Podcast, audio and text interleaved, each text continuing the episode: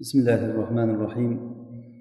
إن الحمد لله تعالى نحمده ونستعينه ونستغفره ونستهديه ونعوذ بالله تعالى من شرور أنفسنا وسيئات أعمالنا. إنه من يهده الله فلا مضل له ومن يضلل فلا هادي له. ونشهد أن لا إله إلا الله وحده لا شريك له. ونشهد أن سيدنا وإمامنا وأستاذنا وقدوتنا محمدا عبد الله ورسوله.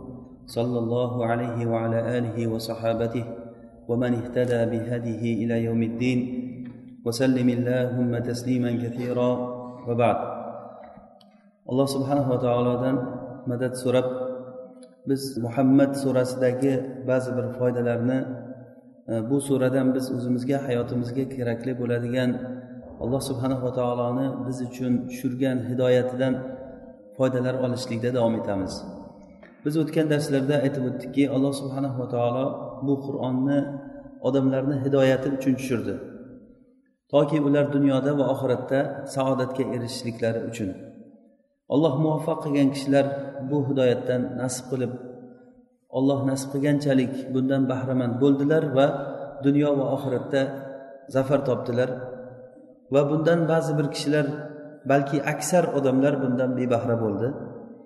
Alloh taolo hech kimdan o'zini hidoyatini qisib qolmadi. Balki alloh taolo hamma odamga bir xil payg'ambarlar yubordi.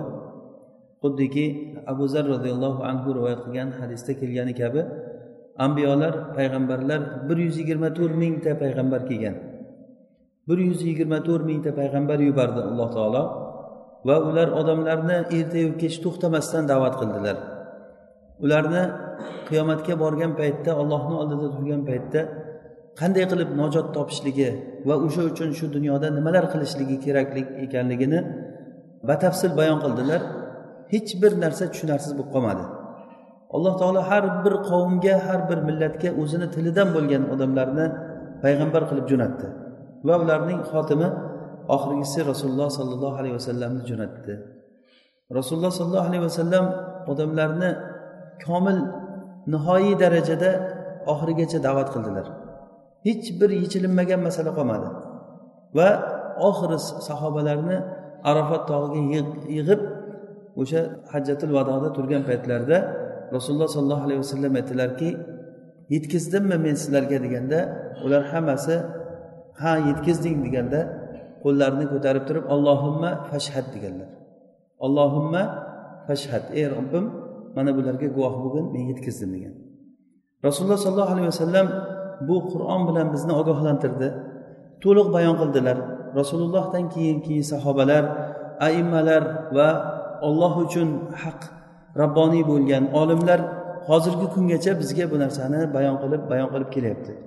Lekin bu narsada bu sura bizga asosan muhammad surasi bizga manhaj bir hammamiz uchun kerak bo'ladigan bir manhajni ifoda qilib beradi.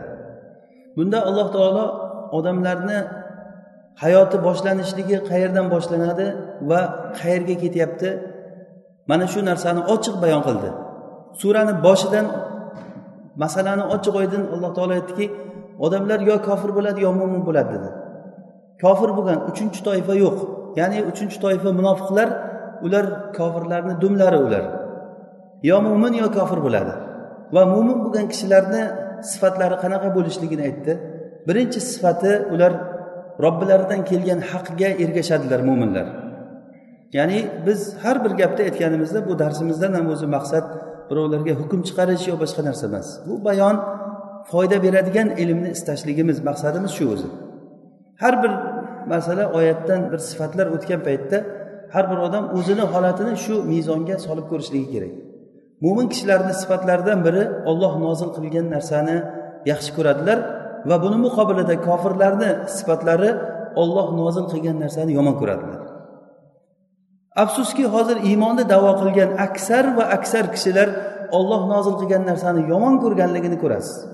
Tishi tirnog'i bilan olloh nozil qilgan narsani hayotda odamlar o'rtasida hakam bo'lishligini xohlamaydigan qancha qancha iymonni davo qilgan musulmonlar bor. Musulmonman degan kishilar bor. Bu mo'minlarni sifati olloh nozil qilgan narsani yaxshi ko'rishliklari va kofirlarni sifati olloh nozil qilgan narsani yomon ko'rishligi. Bu sifatlari ularni va hayotda ularni hayoti qanday davom etishligini alloh taolo aytib berdi. Buni o'tgan darslarimizda aytdikki ularni hayoti kofirlar bilan mo'minlar o'rtasidagi hayot jangdan iborat bo'ladi. Bu jang hech qachon tugamaydi. Ularni o'rtasidagi jang xuddi aytilgani kabi al karru val far bir safar mo'minlarni foydasiga bo'lsa bir safar kofirlarni foydasiga bo'ladi. Alloh subhanava taolo bunda o'ladigan odam bayonot ustida o'lsin yashaydigan odam bayonot ustida yashasin ya'ni hujjat bilan yashaydi hujjat bilan ketishligi uchun. Va bunda alloh taolo mo'minlarga yordam berganligini aytdi. Qancha joylarda mo'minlarga yordam berdi? Ammo kofir bo'lgan kimsalarga bo'lsa kafaru va amalahum. Kofir bo'lgan kimsalar bo'lsa ularni qilgan ishlari hammasi ziyon ko'rdi. Ya'ni ular kasodga uchradi. Ular hayotida kasodga uchradi. Tamomiy hayotini ziyonga o'tkazdi. Topgan pulini kasodga ishlatdi. Olloh bergan eng qiymatli umrini kasodga ishlatdi. Oxiratga borgan paytda ular o'zlarini o'zlari ziyon qilib qo'ydilar.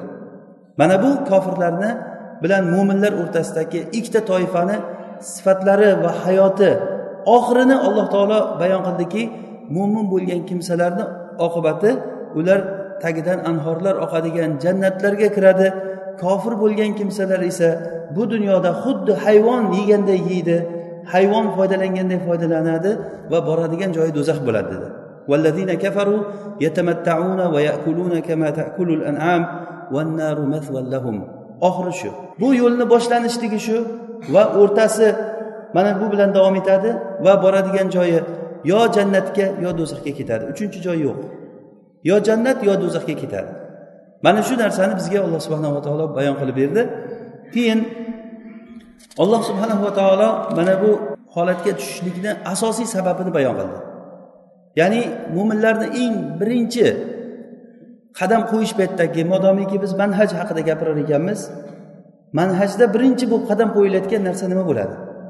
Shuni bayon qilib alloh taolo surani keyingi oyatlarida ya'ni birinchi mo'minlarni sifatlarini kofirlarni sifatlarini va mo'minlarni oqibati qayerga boradi? Kofirlarni oqibati qayerga boradi? Bu narsani alloh taolo ochiq bayon qildi. Va keyin alloh taolo buni asli manhajni boshlanish nuqtasi nima ekanligini bayon qilib aytadiki afaman kana ala bayyinatin min robbihi kaman zuyyina lahu su'u amalihi wattaba'u ahwaahum. Ya'ni o'zini ishidan qiladigan narsasidan hujjat ustida bo'lgan kishi xuddiki uni amallari noto'g'ri amallari o'ziga ziynatli ko'rsatilinib havoyi nafsiga ergashgan kishiday bo'ladimi? Ya'ni bu narsani alloh taolo savol tarzida beryapti.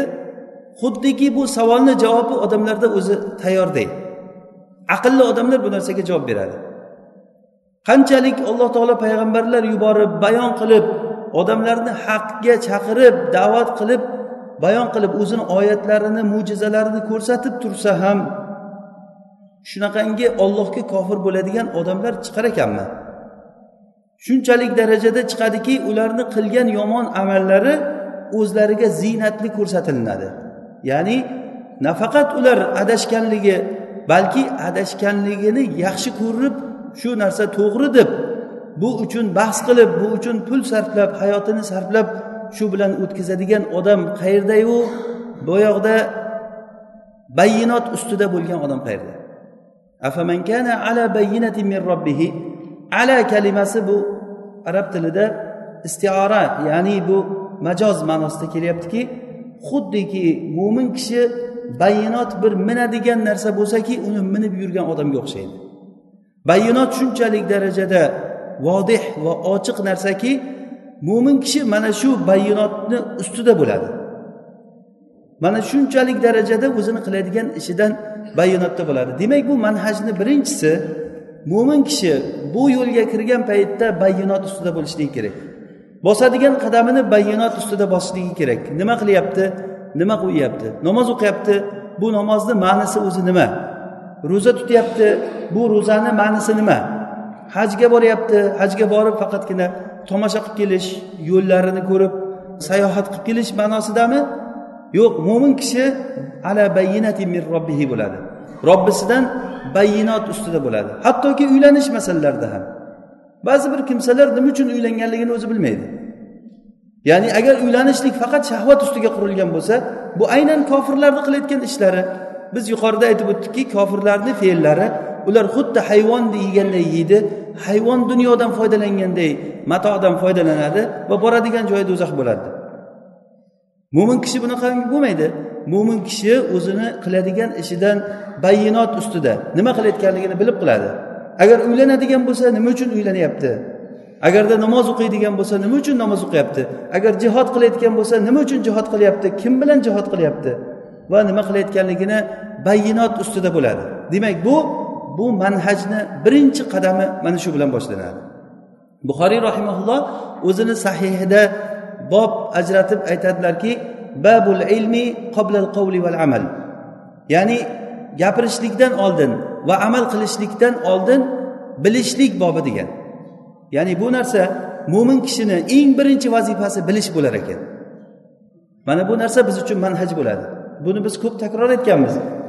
Lekin bu biz takror aytishligimizga juda ham muhtoj bo'lgan masala bu.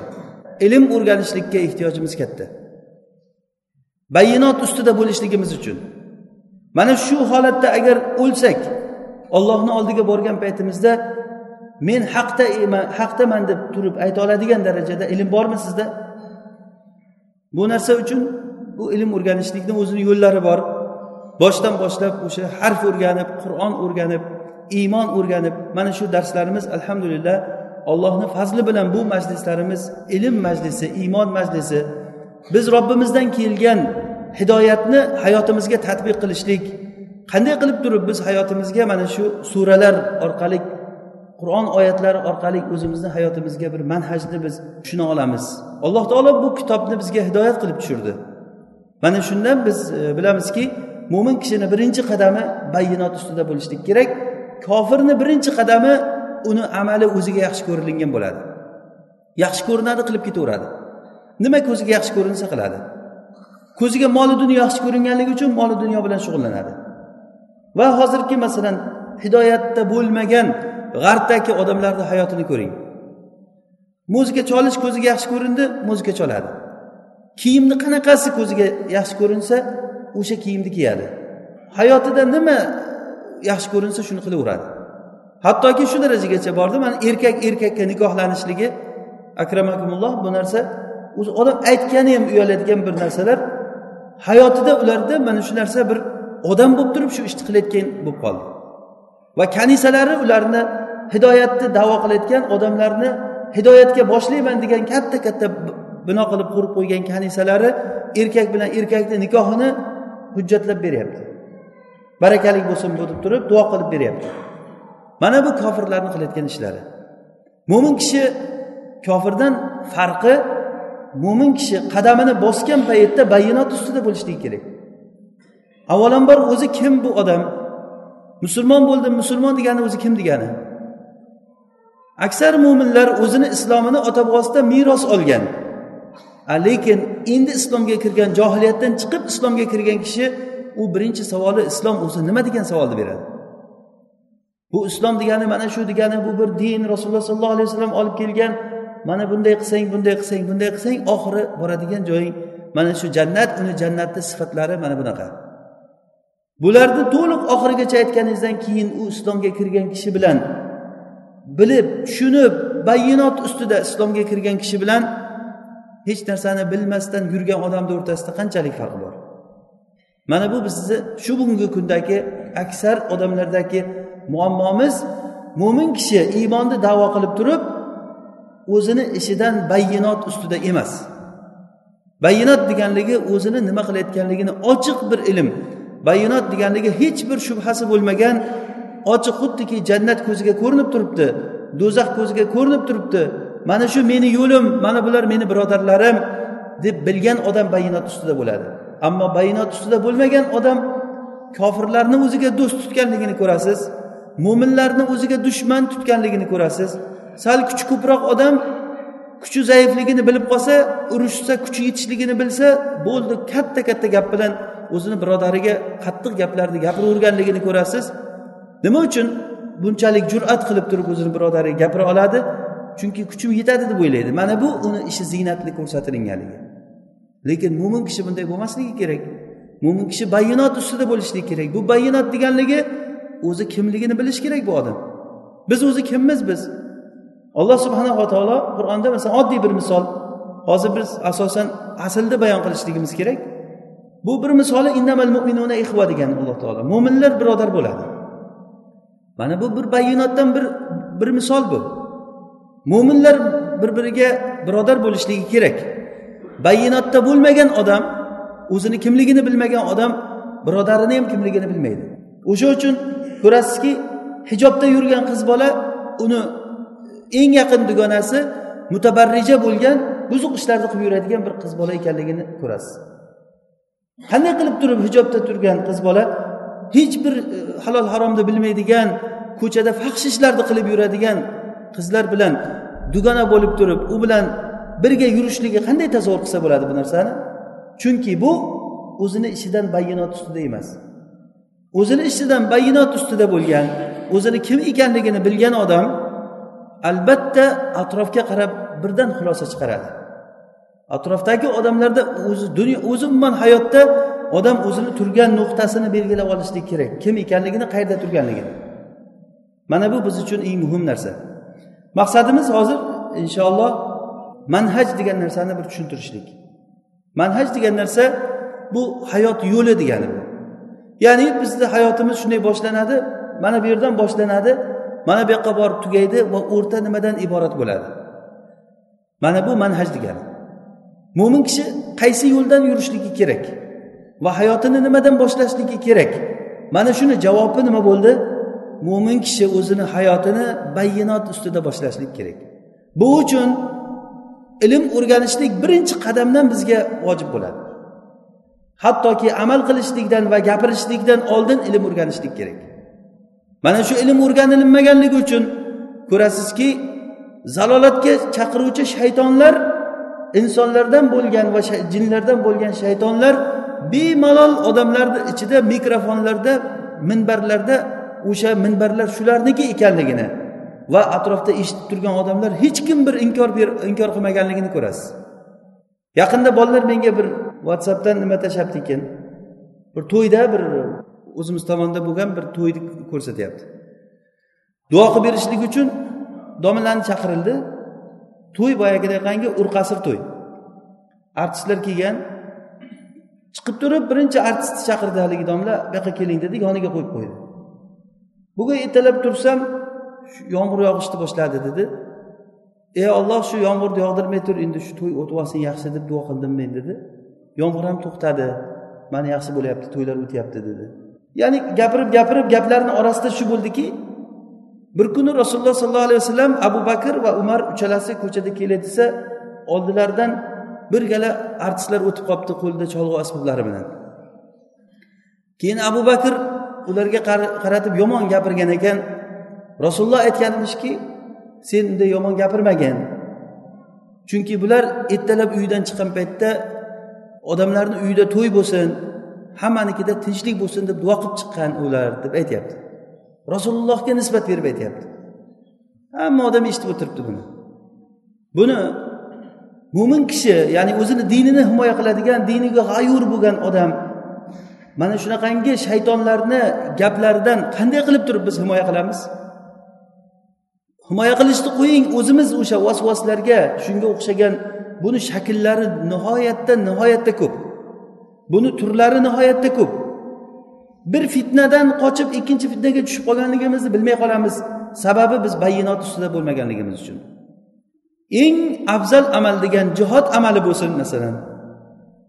Zirvatu sanamil islom degan rasululloh sollallohu alayhi vasallam. Mana shunday amal bo'lsin agar bayinot ustida bo'lmaydigan bo'lsa kishi bu qilayotgan ishida foydasidan ko'ra ziyoni ming ming martaba marotaba buni ziyoni katta bo'ladi. nega katta bo'ladi chunki u o'zini qilayotgan ishini nima ekanligini bilmagan bo'ladi. Alloh subhanahu va taolo mana shu ikkita toifani boshlanish qismini aytdi. Ya'ni mo'minlarni boshlanishligi manhajni boshlanishligi shu bilan boshlanadi va tugashligini aytib masalul jannatullati masalul jannati allati vu'ida al muttaqun fiha anharu min ma'in g'ayri asin. وأنهار من لبن لم يتغير طعمه وأنهار من خمر لذة للشاربين وأنهار من عسل مصفى ولهم فيها من كل الثمرات ومغفرة من ربهم ومغفرة من ربهم. كمن هو خالد في النار وسقوا ماء حميما فقطع أمعاءهم. ya'ni bu oyatlarda alloh taolo bayon qilyaptiki oxirini bayon qilyapti manhaj manhajni. Manhajni oxiri shu jannat. Bu jannatni misoli mo'minlarga va'da qilingan jannatni misoli. Alloh taolo shu yerda hozir voida deb turib majhul siyg'asi bilan aytyapti. Ya'ni ko'p joylarda alloh taolo ma'lum siyg'asida masalan vaadalloh deb turib olloh va'da qildi deb aytadi. Lekin bu yerda hozir voida kelganligi xuddiki bu tayin narsa aniq bo'lganligi ta'kidlash uchun majhul siyg'asida aytiladi ya'ni ish bitti bo'lgan degan mo'minlarga jannat va'da qilib bo'lingan. Agar bayinot ustida hayotida yashab shunda davom etsa oxiri kelayotgan joyi mana shu degan. Alloh taolo hammamizni shunaqangi jannatlarda jamlasin. Tagidan anhorlar oqadi. Fiha ya'ni unda mo'minlarga va'da qilingan jannatni misoli unda aynimagan suvlar bor. Va mazasi o'zgarmagan sutlar bor. Ya'ni suv suv bor va sutdan bo'lgan anhorlar bor. Nima uchun suv va sut va xomir va asalni alloh taolo bu sifatlari bilan keltirdi? Agar e'tibor berayotgan bo'lsak hozir suvni aynimagan suv deb turib g'oyri asin deb aytyapti. Chunki arablarda xosatan qur'on tushgan arablarda ularni asosan ichadigan suvi osmondan tushgan yomg'irni hisobiga bo'lgan quduqlarga yig'ilgan suvlar bir hovuzlarga shunaqangi bir ko'lmak ko'l joylarga suvlar kelib yig'ilgan o'sha suvdan ichgan. Shayximiz aytib berardilar yamanda o'qigan paytimizda deydi suv judayam tanqis bo'lardi u yerda. Yamanda hozirgi bo'ladigan gap. Ichadigan suvi yomg'irdan deydi. O'sha qishloqni ichadigan suv yomg'irdan yomg'ir yoqqan paytda katta bir hovuzga keltirib yig'ilib qolar ekan. Shundan ichadi shundan kiriyadi shundan ovqat qiladi shundan tahorat qiladi. Hamma narsasi shundan. Haligi suv ko'karib ketadi deydi turaverib u ham mayli tugab qoladi keyin deydi. Tugab qolgandan keyin keyin qirq kilometrdan eshak bilan borib suv olib kelish kerak deydi. Qirq kilometr joydan eshak bilan borib eshakka qancha ko'targancha ko'tarib suv toshib kelib turib ana shu bilan hayot yashaydi. To yomg'ir yog'ib qolguncha yomg'ir yog'ib qolsa yana xursandchilik. Haligi hovuz suvga to'ladi. Endi ana shunday holatda yashagan arablarga aynimagan suvlar bor desa qanday tushunadi buni? Chunki ularni aksar suvi o'zi aynigan suvlarni ishlatgan ular. Yomg'ir yog'ishligini kutib turgan tushgan suvlar ishlatilishlikni evaziga har xil faqirdan suv olavergandan keyin odamlar qo'lini tiqavergandan keyin suv ayniydi. Issiq vaqt kunlar. Va sut ham. U issiq bo'lgandan keyin u paytlar xolodilnik degan bunaqangi muzlatgichlar bo'lmagan. Sog'ilgan sutni birdan ichish kerak bo'lgan. Agar olib qo'ysa ayniydi. Shuning uchun eng yaxshi narsa toza sut bo'lgan. Va anharu min labanin lam yataghayyar ta'muhu. Uni ta'mi o'zgarmagan sutdan bo'lgan anhorlar bor. Va anharun min xomrin lazzatin lisharibin ichuvchilarga lazzat bo'lgan lazzatli juda ham totlik bo'lgan xomirdan bo'lgan anhorlar bor. Ya'ni bu xomirdan bo'lgan anhor degani endi bilaveringki anhor suvidan ichgan odam qanday bo'ladi? Bu tugab qolishidan qo'rqmaysiz. Shunaqangi bir narsaki bu dunyoni xomiri arablarda bu uzumlardan bo'lgan xomirlar u paytlar bo'lmagan yamandan olib kelingan bo'lgan. Xamir ham hidi sassiq bo'lgan ham mazasi o'ta achchiq bo'lgan. Uni faqatgina odamlar shu aqli ketib kayf qilishlik uchun ichgan. Aroqni lazzat uchun ichmagan sutni bo'lsa qorin to'yishlik uchun ichgan va suvni bo'lsa suvdan qoniqishlik uchun hech kim suvni mazasini tatishlik uchun ichmaydi. Shuning uchun ham suvni rangsiz va ta'msiz deb aytiladi. Suvni ta'mi qanaqa desa hech kim bilmaydi uni. Ta'msiz deyiladi. Lekin bu xomirni sifatini alloh taolo aytyaptiki va anharu min xomrin lazzatin lisharibin. Ichuvchilariga lazzatli bo'lgan nihoyatda bir e, mazasi shirin bo'lgan xomir bor. Bu xamirni ichgan paytda o'zi hali undan keyingi insonga berayotgan rohatidan tashqari ichish paytida o'zi lazzat bilan keladi. Mana buni eshitib turgan arablar xosatan o'sha paytda ular xamir ichib turgan bo'lgan xamir harom qilinmagan bo'lgan.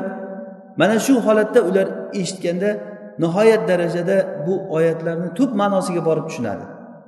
Hech aynimagan suvlardan bo'lgan anhorlar bor mazasi o'zgarmagan sutlardan bo'lgan anhorlar bor va yana lazzatlik bo'lgan xomirdan bo'lgan anhorlar bor va asali musaffa ya'ni musaffo asaldan bo'lgan anhorlar bor. Asalni mazasi o'zgarmagan yoki ta'mi yo rangi o'zgarmagan demayapti. Lam yatag'ayyar tomuhu deb aytmayapti. Chunki asal qancha tursa ham uni mazasi o'zgarmaydi rangi o'zgargan taqdirda ham ta'mi o'zgarmaydi. Faqatgina asalga boshqa bir narsa qo'shilsa u buziladi. O'sha uchun ham asali musaffa deb aytyapti. Ya'ni bu asal musaffo asal. Hech narsa qo'shilmagan bunga degani. Asalni buzayotgan narsa unga chetdan narsa qo'shilsa asalni buzadi. Jannatni asali shunaqangi toza musaffo asalki yana bo'lib ham u bir pilak ikki pilak emas u anhor bo'lib oqadigan asallar. Uni kayfiyati allohga ma'lum. Mana bu anhorlar oqadigan jannatda asallardan bo'lgan xamirlar suvlar sutlardan bo'lgan bu jannatdagi bunday joylarga shoshilinglar. Alloh subhanava taolodan so'raymizki hammamiz shunday anhorlardan suv ichib sut ichib yurishlik nasib qilsin alloh taolo. Bu ollohni bergan va'dasi bu. Alloh taolo hech qachon o'zini va'dasiga xilof qilmaydi. Buni boshlanishligi bayinot bilan boshlandi oxiri tugashligi mana shunaqangi ichimliklardan bo'lgan anhor bilan tugaydi jannat bilan tugaydi. Lekin olloh o'zi hikmatini o'zi biladi bu yerda jannat ovqatlarini zikr qilmadi. Ya'ni ovqatlar zikr qilib faqat ichimliklar aytilindi hozir. Suv sut va xomir va asal ichimliklar aytilinyapti. Chunki allohu alam bu ichimliklar ovqat yeb bo'lgandan keyin kerak bo'layotgan narsa o'zi. Boshqa suralarda agarchi ularni yeydigan narsalari to'liq aytilingan bo'lsa ham. Va yana bundan tashqari valahum fiha min kulli samarot ularga hamma mevalar bor. Ya'ni buni olloh aytyapti hamma mevalar. Xayolingizga kelgan mevani ayting va siz bilan biz bilmagan mevalar bor. Ularni ta'mi bir biridan farq qiladi. Ularni shakllari bir biriga o'xshashligi mumkin lekin yeb ko'rsa uni mazasi oldin yegan mevasidek bo'lmaydi. Alloh taolo aytyaptiki ular uchun jannatda hamma mevalardan bor. Va undan ham tashqarisi eng katta ne'mat va mag'firatun min robbihim. Robbilari tarafidan bo'lgan mag'firat bor jannatda. Robbilari tarafidan bo'lgan mag'firat. Hattoki bu oyatdan biz tushunamizki jannatga kirgan kishi ham ollohni mag'firatiga muhtoj bo'lar ekan. Ollohni mag'firatidan jannatda turgan odam ham mag'firatdan hech qachon behojat bo'lolmaydi olloh mag'firat qilsa jannatga kirasiz va jannatga kirgandan keyin ham jannatda agar ba'zi gunohlaringizni olloh mag'firat qilgan bo'lmasa shu jannatda turgan holatda ham noqislikni inson sezar ekan. Jannat ne'matini jannat darajalarini kattaligi va kichikligi olloh subhanava taolo kishini qanchalik mag'firat qilganligiga qarab bo'lar ekan.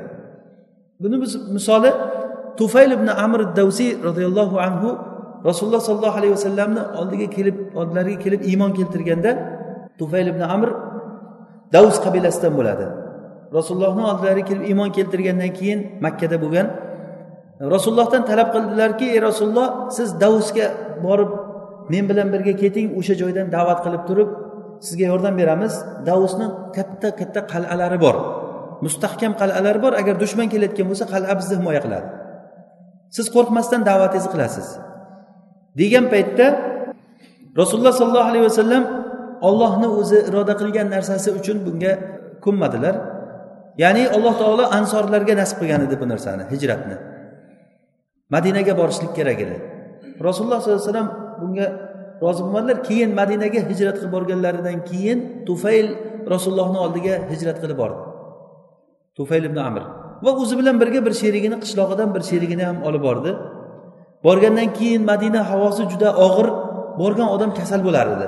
Shunchalik ko'pchilik odam kasal bo'lgan madinani havosi ko'pchilik odamlarga yoqmagan ekan. Isitmasi chiqib odamni juda ham qiyin bir holatga og'ir bir havo bo'lgan. Sahobalar borgan paytda juda ham qattiq qiynalgan ekanlar. Keyin rasululloh sollallohu alayhi vasallam duo qilganlaridan keyin ey ollohim bizga madinani sevimli qilib yaxshi qilib qo'ygin xuddi makkani yaxshi qilganingdek deb duo qilganlaridan keyin madinani havosiga hamma moslashgan. Ungacha bilol roziyallohu anhu va boshqa sahobalar hattoki zaydul xayr degan bir sahobiy bo'lgan. Zaydul xayr nihoyat darajada zabardast bir sahobiy bo'lgan. Bu kishi haqida o'zini siyratida keladi ya'ni e, qisqacha aytsak nihoyat darajada pahlavon. Hatto rasulullohga kelib iymon keltirgan paytda rasululloh sollallohu alayhi vasallam qo'lidan ushlab bir qancha qadam u bilan birga yurgan ekanlar. Aytgan ekanlarki meni hayotimda birorta odam menga sifatlangan bo'lsa maqtalinib o'sha sifatiday deb topmaganman ko'rgan paytimda. Lekin seni o'shanday deb topdim degan. Qanday bo'lsa shunday degan. O'sha odam aytgan rasululloh menga to'rt yuzta odam qilib bersangiz men rumni sizga olib beraman degan ekan. Ya'ni nihoyat darajada o'ziga ishongan odam bo'lgan. Arablarga bir e, ocharchilik kelgan paytida bir kishi arab e, qishloqlaridan bittasi bola chaqasi juda och qolib ketganligidan qo'liga qurolini olib yo yegulik bir narsa olib kelaman yo o'laman deb qasam ichib chiqib ketgan ekan uydan yurib yurib yurib uch kun yurgan. Uch kundan keyin borsa bir E, tuyalarni qamaydigan bir joyga borib qolgan. Tuyalar bilganki bu yerda tuyalar yotadi.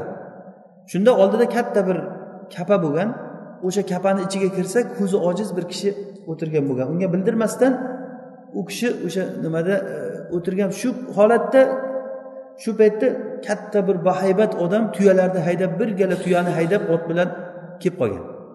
Qo'rqqandan kapani ichiga kirib turib e, so'ri qilingan bo'lgan so'rini tagiga kirib olgan. Keyin haligi kishi kelgandan keyin tuyalarni qamab turib qo'liga bir e, idishni olib borib bir tuyani sog'ib sog'ib sog'ib sutni olib kelib haligi qariya kishini oldiga qo'yib chiqib ketgan. Haligi sutni qariya payqamasdan turib bu ichib qo'ygan chunki qorni och bo'lgan. Keyin haligi odam yana qaytib kelganda qarasa sut bo'shab turgan bo'lgan yana idishni olib turib borib yana sog'ib kelgan. Sog'ib kelganda yana ichgan bu kishi keyin haligi qariya ham ichgan bildirmagan kechqurun keyin uxlagan. Bu suvrini tagida yotavergan bildirmasdan. Kechqurun bir payti bo'lgan paytda yaxshi uxlagandan keyin o'rnidan sekin chiqqandan keyin tuyalarni haydab otni minib haydab ketgan. Tuyalarni haydab ketgan bir o'sha tuyani hammasini o'g'irlab. Yurgan yurgan sahar paytigacha yurgan.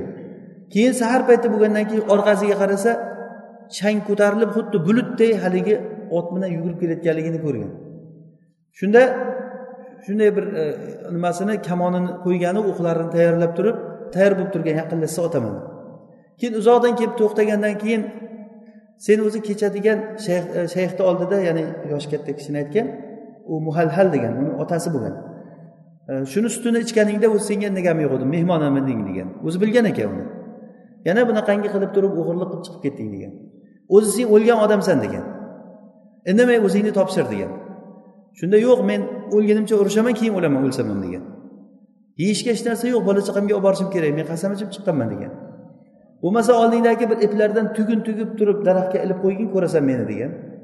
Tugun tugib daraxtga ilib qo'ygandan keyin uzoqdan kamon bilan otganda haligi tugunga bitta bitta sanchib qo'yavergan. Keyin bilganki tamom bu menga otsa aniq teg ekan u deganda. Keyin sekin taslim bo'lgan keyin kelgandan keyin hamma tuyalarni qaytarib borib joyiga qamagandan keyin bu tuyalar meniki emas degan. Agar meniki bo'lganda senga berar edim bu bir kishiniki. Yaqinda bir urush bo'ladi bir mahalla urushmoqchi. O'sha urushga kirib men bir narsa olib chiqsam senga beraman o'shani degan. O'sha odam zaydul xayr degan kishi bo'ladi. Shu pahlavon.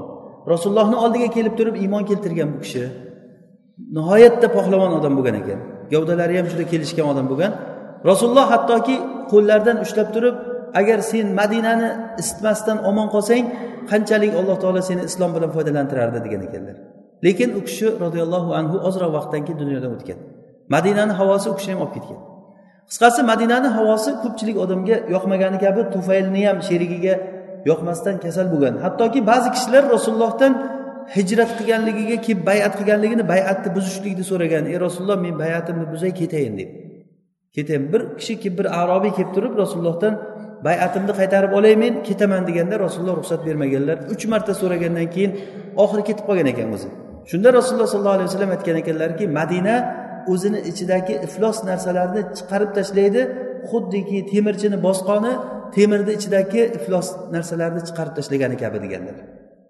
Ya'ni bu madinani qiyinchiligi odamlarga ya'ni saralaydigan odamlarni tozalaydigan narsa bo'ladi degan haligi tufaylni sherigi ham xuddi shunday qattiq qiyinchilikka qoldi lekin sabr qildi sabr qildi u kishi kasal bo'lib juda qiynalgan paytda oxiri o'zi qo'llar qo'llarini kesib qonatib qon oqib o'lgan ekan. Ya'ni o'zini o'zi kesib o'ldirgan. Keyin tufayl tush ko'rgan ekan. Tushida sherigini jannatda ko'rgan ekan. Jannatga kiribsan alloh taolo senga qanday muomala qildi deganda rasulullohga qilgan hijratim bilan olloh meni mag'firat qildi degan. Keyin qarasa qo'li o'ralgan bo'lgan ekan. Qo'ling nega o'ralgan deganda bu qo'limni o'zim kesganligim uchun menga aytildiki sen o'zing buzgan narsani biz isloh qilmaymiz deb aytildi. Shuni kechirmadi degan. Ya'ni mana shu kechirmaganligi uchun bu holat shu turish qolib ketgan. Keyin rasulullohga aytgandan keyin rasululloh shu payt qo'llarini ko'tarib ey ollohim qo'llarini ham o'zing mag'firat qilgin deb duo qildilar. Allohimma valiyadayhi fag'fir allohimma valiyadayhi fag'fir qo'llarini ham kechirgin deganlarida u kishini qo'li ham isloh bo'lgan ekan. Ya'ni aytmoqchimizki jannatga kirgan paytida shu har bitta a'zolar uchun ham mag'firatga muhtoj bo'linar ekan odam. Alloh taolo mo'min kishilarni bayinot ustida yashagan mo'min kishilarga mag'firat va'da qilyapti.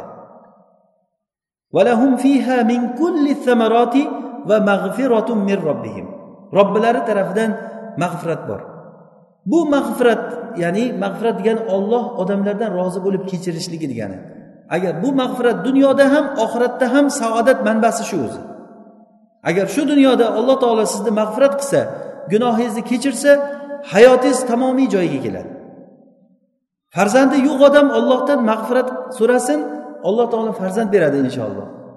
Moli dunyodan qiynalgan odam mag'firat so'rasin ollohdan istig'for so'rasin alloh taolo uni mol dunyosini beradi. Va ya qavmi istag'firu robbakum summa tubu ilayhi. Mata'an hasana ey qavmim payg'ambar aytyaptiki hud alayhissalom o'zini qavmiga alloh taologa tavba qilinglar istig'for so'ranglar alloh taolo sizlarni dunyoda juda ham go'zal bir foydalantirishlik bilan foydalantiriladi agarda istig'for so'rasanglar alloh taolo sizlarga bola chaqalar beradi va yumdidkum bi amvalin va banin va yaj'al lakum jannatin va yaj'al lakum anhara sizlarga farzandlar moli dunyo va jannatlar va anhorlarni alloh taolo beradi. Jannat anhorlar bu oxiratda bo'ladigan bo'lsa bu dunyoda farzand va moli dunyolar. Bularni hammasi istig'for aytishlikdan alloh taolo mag'firat qilishligidan keyin kelib chiqadi. Biz mag'firatga shunchalik muhtojmizki har qanday qadamimizda mag'firatga muhtojmiz hattoki jannatga kirganda ham ana shu jannatga kirgan odamlarga alloh taolo mag'firat va'da qilyapti. endi buni muqobilida buni muqobilida valahum fiha min kulli samarat va mag'firatun min robbihim kaman huwa xolidun fin nari va ma'an hamiman faqatta'a am'a'ahum. Endi bu odam qayerdayu? Bu mo'minlarni oxirgi nihoyasi. Ammo bir odam borki u do'zaxda mangu qoladigan odam. Va isigan qaynatilingan qaynoq suvlar bilan sug'oriladigan odam. Bu ichgan suvlari uni ichaklarini mayda mayda qilib turib tushib ketadigan odam qayerda? Mana bu ikkita odamni nihoyasi bu. Bittasi mo'minni nihoyasi mana hozir aytgan sifatli jannatga kirishligi ikkinchisi kofirni nihoyasi u mana bu aytilingan sifatdagi holatda bo'lishligi. Bunda ham alloh taolo hozir uni yeydigan narsasini aytmayapti ichadigan narsasini aytyapti. Zotan o'zi uni ichadigan narsalari boshqa oyatlarda aytilingan lekin bu oyatda buni lozimidan o'zi chiqib turadiki ichadigan narsani e, aytilyaptimi demak undan oldin nimadir yegan bo'lishi kerak. Boshqa oyatlarda aytadiki alloh taolo laysa lahum taamun illa min dari' la yusminu va la yughni min ju' ular uchun taom ya'ni yeydigan narsasi dori deganligi arablarda bir tikanlik bir o'simlik. U shunday o'simlikki uni tuya faqat tuya yeydi u bo'lib ham ho'l paytida yer ekan. uni boshqa paytida uni qurigandan keyin tuya ham yeyolmaydi ana o'shanday qurigan tikanlik narsalarda ular taomi shunday bo'ladi. Oshqozon achib taom so'rab talab qilingan paytda ularni taom beriladi lekin u taomni xususiyati odamni to'ydirishligi va odamni semirtirishligi bo'lsa la yusminu va la yug'ni min bu ikkala xislat ham ularni taomida yo'q. Billah bu oxirat azobi juda ham qattiq narsa bu. Alloh taolo bizga ochiq ogohlantirib qo'ygan. Ertaga odam olloh ko'rsatmasin o'shanday holatga borib tushgan paytda qancha yig'lasin qancha kuysin qancha pushaymon bo'lsin o'rniga tushmaydi. O'sha uchun allohga hamdlar bo'lsinki hozir biz tirikmiz. Hozir bu bu gaplarni eshityapmiz. Bu narsa bizni katta bir ne'matimiz bu narsa. Buni qadriga yetishligimiz kerak. Uni ustidan suvlar ichiriladi. Suv ichgan paytda ichilingan paytda ularni ichaklarini mayda mayda qilib tushib ketadi deyapti. Agarda ular ichimlik narsa so'rasa ularga qaynab turgan yog'lardan ichiriladi deyilgan boshqa oyatlarda. Ya'ni yog' o'zi qaynamaydi lekin u juda ham qattiq darajada issiq berilgandan keyin u shunchalik qaynaydiki kalmuhli yag'li fil butun qorinda qaynaydi. U ichishdan oldinku o'zi qaynab turgan bo'ladi. Ichi bo'lgandan keyin qorinda qaynaydi degan. Yegan narsasi shunaqangi tikanlik bir zaqqum daraxti. Olloh asrasin bu zaqqum daraxtidan uni hididan jahannam panoh tilaydigan narsa. Och qolgan paytda kofirlarga mana shu zaqqum daraxti yediriladi. Tomoqlariga tiqilib qolib qorinlari to'lib yana bundan ham yomoni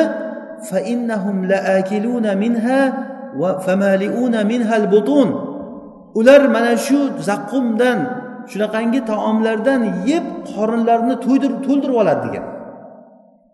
O'ziku toyib bo'lgan yaxshi narsadan qorin to'ysa azoblanadi odam. Hozir hayotda agar bir toyib bo'lgan ovqatdan to'yib yesangiz azoblanasiz. Odam o'ziga o'zi azob beradi. Ovqat yegandan keyin uni hal qilish kerak oshqozon o't jigar butun katta ishlash paydo bo'ladi odamda.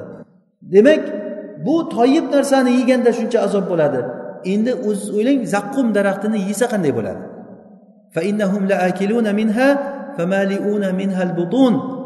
Qorinlarini to'ydirib o'sha narsadan uni ustidan qaynagan suvlar ularga ichtiriladi alloh taolo o'zi asrasin. Mana bu ikkita toifani nihoyasi bu. Bittasi mo'minlarniki alloh taolo hammamizni shulardan qilsin. Ikkinchisi kofirlarniki olloh asrasin bularni holati mana shu. Tafsiloti bilan aytilingan. Yeydigan narsalari yotadigan joylari ularni nimalar qilishliklari har bitta holat ichadigan ichimligiyu yeydigan taomi hammasi aytilingan. Mana bu bayinot deganligi shu. Bizni asosiy mavzumiz o'zi asli bilmoqchi bo'lgan narsamiz manhaj degan narsa haqida gapiryapmiz. Manhaj u nima degani? Hayotda odam yurishlik uchun ya'ni ham tushuncha bo'lishlik uchun aytamizki programma hayot programmasi. Mana shu shunday bo'ladi mana shu yerdan kiramiz mana shu yoqqa chiqishlik kerak. Lekin buni hamma davo qiladi. Hamma odam o'ylaydiki men to'g'ri yo'ldaman deb davo qiladi.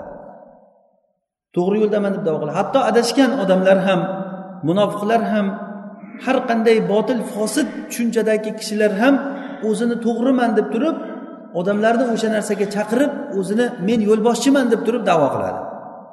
Lekin bu davolar bilan hech narsa bo'lmaydi. Demak bu narsani birdan bir yechimi rasululloh sollallohu alayhi vasallamni hayot yo'llari bo'ladi biz uchun. Hattoki o'sha bayinat biz hozir surani boshidan aytyapmizki robbisi tarafidan ochiq bayinot ustida bo'lgan kishi deb aytganimizda bu bayinot degani ba'zi surada bayinot rasulullohni bayinot deb aytilingan لم يكن الذين كفروا من أهل الكتاب والمشركين منفكين حتى تأتيهم البينة رسول من الله ya'ni ahli kitoblardan bo'lganlar va mushriklar kofirlar ular tarqoq bo'lib turib o'zlarini dinlariga ham kofir bo'lgan emasdilar hatto ularga bayinot kelguncha bayinot kim rasulun minalloh rasululloh sollallohu alayhi vasallam keluvdilar ular kofir bo'ldi O'zlari bilardi rasulullohni sifatlarini bilardi hamma haqni bilardi ular. Lekin bilgan paytda rasululloh kelgan paytida o'sha paytda ular kofir bo'lishdi. Demak rasulullohni bayinot deb ismlayapti. Hozir biz mo'minni manhaji nima deganda mo'minni manhaji boshlanishligi bayinot ustida boshlanadi ilm bilan boshlanadi. Demak oxiri jannat bilan tugaydi. Buni o'rtasichi o'shani qanday tadbiq qilishlik kerak? Buni o'rtasi rasululloh sollallohu alayhi vasallam bo'ladi. Kim agar holati rasulullohga o'xshasa demak u bayinotda degani. Rasulullohni hayotidan qanchalik chetlaning bo'ldi bayinotdan chiqdi bu degani. Mana shu narsa biz uchun mezon bo'ladi. Agar rasulullohni hayotidek bo'lsa rasululloh nima qilganlar? Siz qilgan ishni qilganmi? Biz yashagan hayotda xuddi shu ishlarni qilib yashaganlarmi? Qanchalik darajada bizni tavfiqimiz rasululloh sollallohu alayhi vasallamga o'xshashlik bilan bo'ladi? Bo'lmasa har bir odam o'zini bayinotdaman deb turib davo qilaveradi. Hattoki shu darajagachaki inson va jinlardan bo'lgan shaytonlar odamlarga noto'g'ri narsalarni tushuntirib turib mana shu narsa mumkin namoz o'qimasang ham bo'laveradi ribo yesang ham bo'laveradi billah ertaga ollohga yo'liqqan paytda shunday qarasa ular uchun boshqa narsa chiqib tursa nima bo'ladi keyin? Ularga ollohni oldiga borgan paytda ularni o'ylagan narsasidan boshqa narsa chiqib qolsa nima bo'ladi? Mana bu narsa oldingi salaf solihinlarni eng qo'rqitgan va ular yig'lagan narsa shu bo'lgan. Hozir bu hayotda biz uchun imkon bor. Tavba qilsangiz ey robbim meni kechir desangiz alloh taolo kechiradi. Keyin hayot boshlashligingiz kerak. Ollohdan kechirim so'raymiz. Har qadamda tavba qilamiz. Lekin hayot uchun bizga bir programma kerakku biz adashgan millatmizmi biz? Yo'limizni yo'qotgan bir odamlarmizmi biz? Yo'q. Bizga alloh subhanava taolo rasul yubordi. Bu rasululloh sollallohu alayhi vasallam kitobi sunnani bizga tashlab ketdilar. Bir qancha joylarda ta'kidlab aytdilar mendan keyin sizlarga shu ikkita narsa qolyapti kitob va sunnat. Va mana shu ikkovsini mahkam tutsalaring hech qachon adashmaysizlar. Lan tadillu lam nun degani hech qachon hech hech adashmaysizlar. Alloh taolo bayon qilgan bu ikki yo'l uni uchinchisi yo'q. Yo jannat yo do'zax. O'shanday bo'lganda aqlli odam qaysisini tanlaydi? Bu uchun albatta ishonch bo'lishlik kerak. Ishonch bo'lishlik kerak. Endi bu narsani biz hozir bilishligimiz muhim bo'lgan bir narsa bu manhajni qanday qilib turib tadbiq qilishlikda bayinot ustida bo'lishligi bu ilm o'rganish bilan boshlanadi. Lekin buni olishlikni yo'li alloh subhanava taolo buni nur surasida mo'min kishini qalbi uni fitrati haqida gapiradi buni boshqa darslarimizda ko'p sharhlaganmiz alloh nuru samavati val ard masalu nurihi kamishkatin deb turib aytgan fiha misbah al misbah min zujaja الزجاجة كأنها كوكب دري يوقد من شجرة مباركة زيتونة لا شرقية ولا غربية ya'ni mo'minni qalbi bu alloh taolo aytyaptiki bu mo'minni qalbini misoli xuddiki devorda chiroq qo'yadigan bir teshik bor O'sha teshikda bir chiroq bor u chiroq shishadan. Shisha xuddiki aylana durdan bo'lgan yulduzga o'xshagan shisha. Uni ichida musaffo muborak zaytun yog'i bor. Bu chiroq zaytun yog'idan yonadi. La sharqiyatin va la g'arbiya. U zaytun yog'i sharqiy ham emas g'arbiy ham emas yerni o'rtasidan olingan ya'ni shom diyorini zaytuni deb aytadi ulamolar ya'ni bunda boshqa tafsirlar ham bor umuman mana shu shom diyorini zaytuni muborak zaytun deyilgan. Faraz qilingki bir shisha idish turibdi. Dur bilan bo'lgan. O'sha shisha idishni ichida shunaqangi bir tiniq yog' borki u yog' hali olov yonmasdan turib o'zi yorug' beraman deb turibdi. Yarqillab qorong'ulikni yoritaman deb turibdi.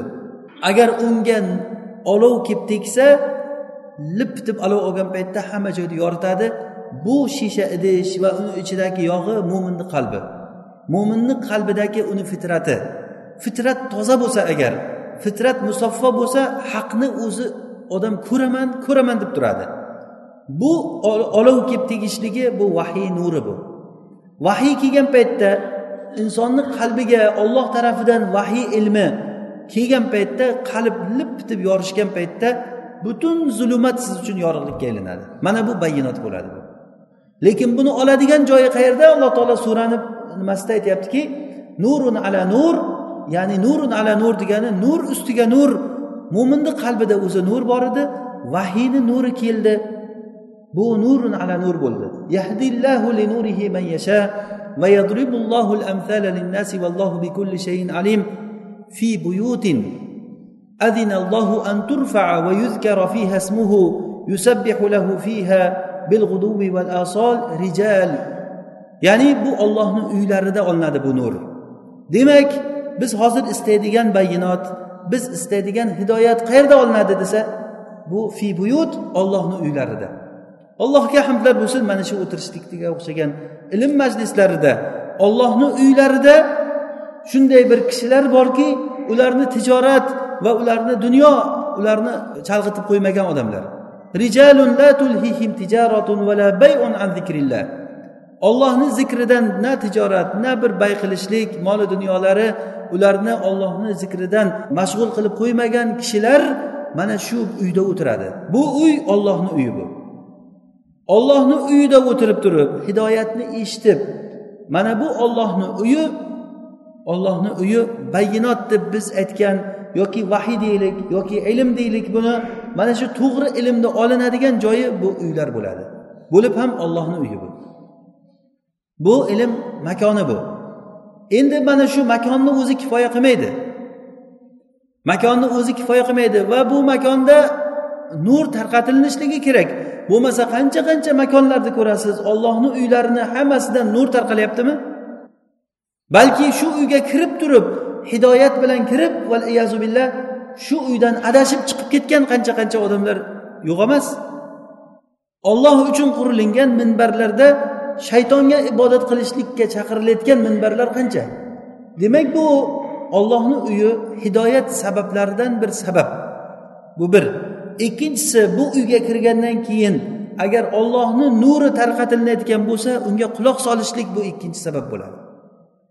Xuddi shu narsani biz hozir o'qiydigan surada alloh subhanahu va taolo buni bayon qiladi ومنهم من يستمع إليك حتى إذا خرجوا من عندك قالوا للذين أوتوا العلم ماذا قال آنفا أولئك الذين طبع الله على قلوبهم واتبعوا أهواءهم ulardan ya'ni minhum munofiqlardan shunday bir kishilar borki olloh adashtirgan kishilardan shunday bir kishilar borki ular rasulullohni oldiga kelib turib minhum yastamiu ilayk deyapti. Sizga quloq soladi. Ya'ni istimo bu arab tilida mubolag'a siyg'asini beradi. Yasmau ilayka demasdan yasmau minka demasdan yastamiu ilayka degani juda e'tibor bilan eshitib o'tiradi gapingizni degani. Hatta ida xoraju min indik sizni oldingizdan chiqsa o'shanda ahli ilm bo'lgan kishilar ibn masudga o'xshagan mufassirlar buni har xil kishilarni aytgan umuman olganda kim bo'lsa ham ilmli kishilarga qarab turib boya bu odam nima dedi deb so'rar ekan. Bo'lmasa gapiruvchi kim? Rasululloh. Ularni o'zlarini tilida gapiryapti. Olloh asrasin ularni qalblari qulf. Keladi eshitadi darsni lekin darsdan chiqqan paytda u chiqib bir yildan keyin yo bir oydan keyin yo uzoq vaqtdan keyin emas chiqqan paytda so'raydigan savoli qolu lillazina utul ilma maza qala anifa anifa degani boyagina ozroq oldin nima dedi u odam deydi ana shu odamlar allohu ala qulubihim ularni alloh taolo qalblariga muhr bosib qo'ygan odamlar va o'zlarini havoy nafsiga ergashgan odamlar qalbiga muhr bosishligi bilan ularda ilm teskarisiga aylandi qalbiga muhr bosgan odam tushunmaydi olloh asrasin qalbga muhr bosilishligidan agar qalbga muhr bosilinsa inson hech narsani tushunmaydigan bo'lib qoladi. O'zini tilida gapirsa ham tushunmaydi. Va ikkinchisi havoyi nafslariga ergashdi. Bu bilan ularni niyatlari fosil ekanligi chiqadi. Va niyati buzuq va aytilingan gapga tushunmaydi. Qanday qilib turib hidoyatga ular yursinlar? Hidoyatni ikkita sababi bor.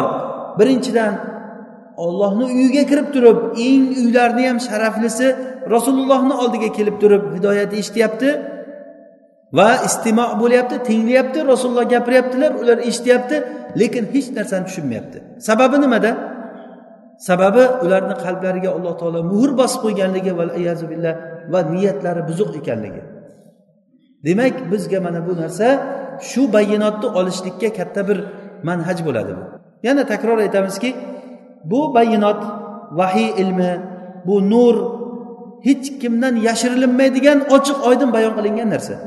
Xohlagan odam buni olishligi mumkin lekin buni olishlik uchun birinchidan quloq solish kerak ollohni uyiga borish kerak ya'ni bu dars majlislariga ilm halqalariga borish kerak sabablarni ushlash kerak va yana xolis ilm bo'lishi kerak xolis niyat bo'lishlik kerak.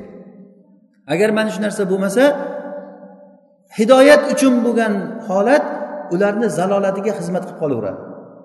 Rasulullohni oldidan chiqqan paytlarida ular ahli ilmlarga qarab turib maza qola anifa?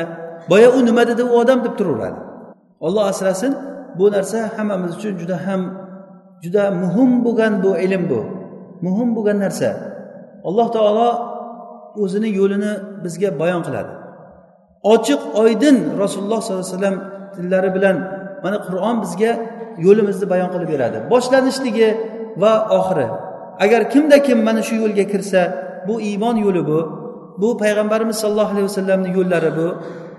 Bu narsada biz birinchi o'rinda qadamimiz bayinot ustida bo'lishligimiz kerak ekan. Bayinot ustida bo'lishligi uchun qanaqangi holatda bo'lishingizdan qat'iy nazar siz tijoratchimisiz? Quruvchimisiz? Doktormisiz boshqamisiz? Bayinot ustida bo'lmasangiz bu yo'lda yurmagan bo'lasiz. Hattoki ertaga ollohga yo'liqqan paytda olloh asrasin keyin odam boshqa narsa ustida o'zini topsa uni aldab yurgan shaytonlarini odam so'kadi qarg'aydi qancha la'natlar aytadi lekin o'rniga tushmaydi chunki vaqt kech bo'lgan bo'ladi. O'sha uchun bu narsa hammamiz uchun muhim narsaki shu bu hozirgi tirikmizmi? Olloh bilan o'zimizni o'rtamizni isloh qilishligimiz kerak. Mag'firat so'rashligimiz kerak alloh taolodan. Sabablarni ushlashligimiz kerak. Birinchi o'rinda biz bu qadamni bayinot ustiga qurishligimiz kerak. Bayinot deganligi nima ekan? Bu vahiy. Rasululloh sollallohu alayhi vasallamni keltirgan ilm.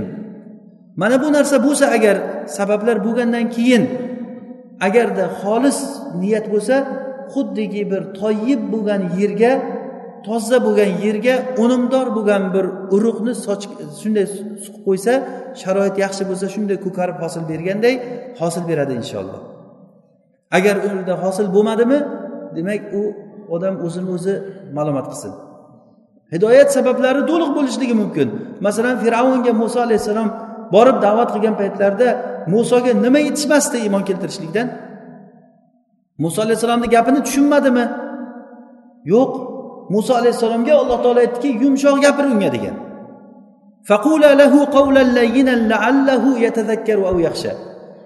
Yumshoq gapiringlar unga.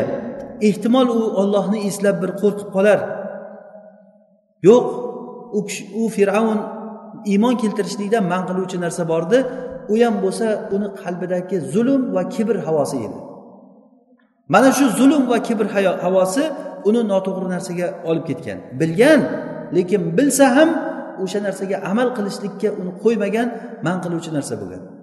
Ammo mo'min kishi bo'layotgan bo'lsa mo'min kishi boshdan qalbini ochgandan keyin biz maqsadimiz nima? Maqsadimiz mana bu kengligi osmon va yerlarcha bo'lgan jannatga kirishlikmi?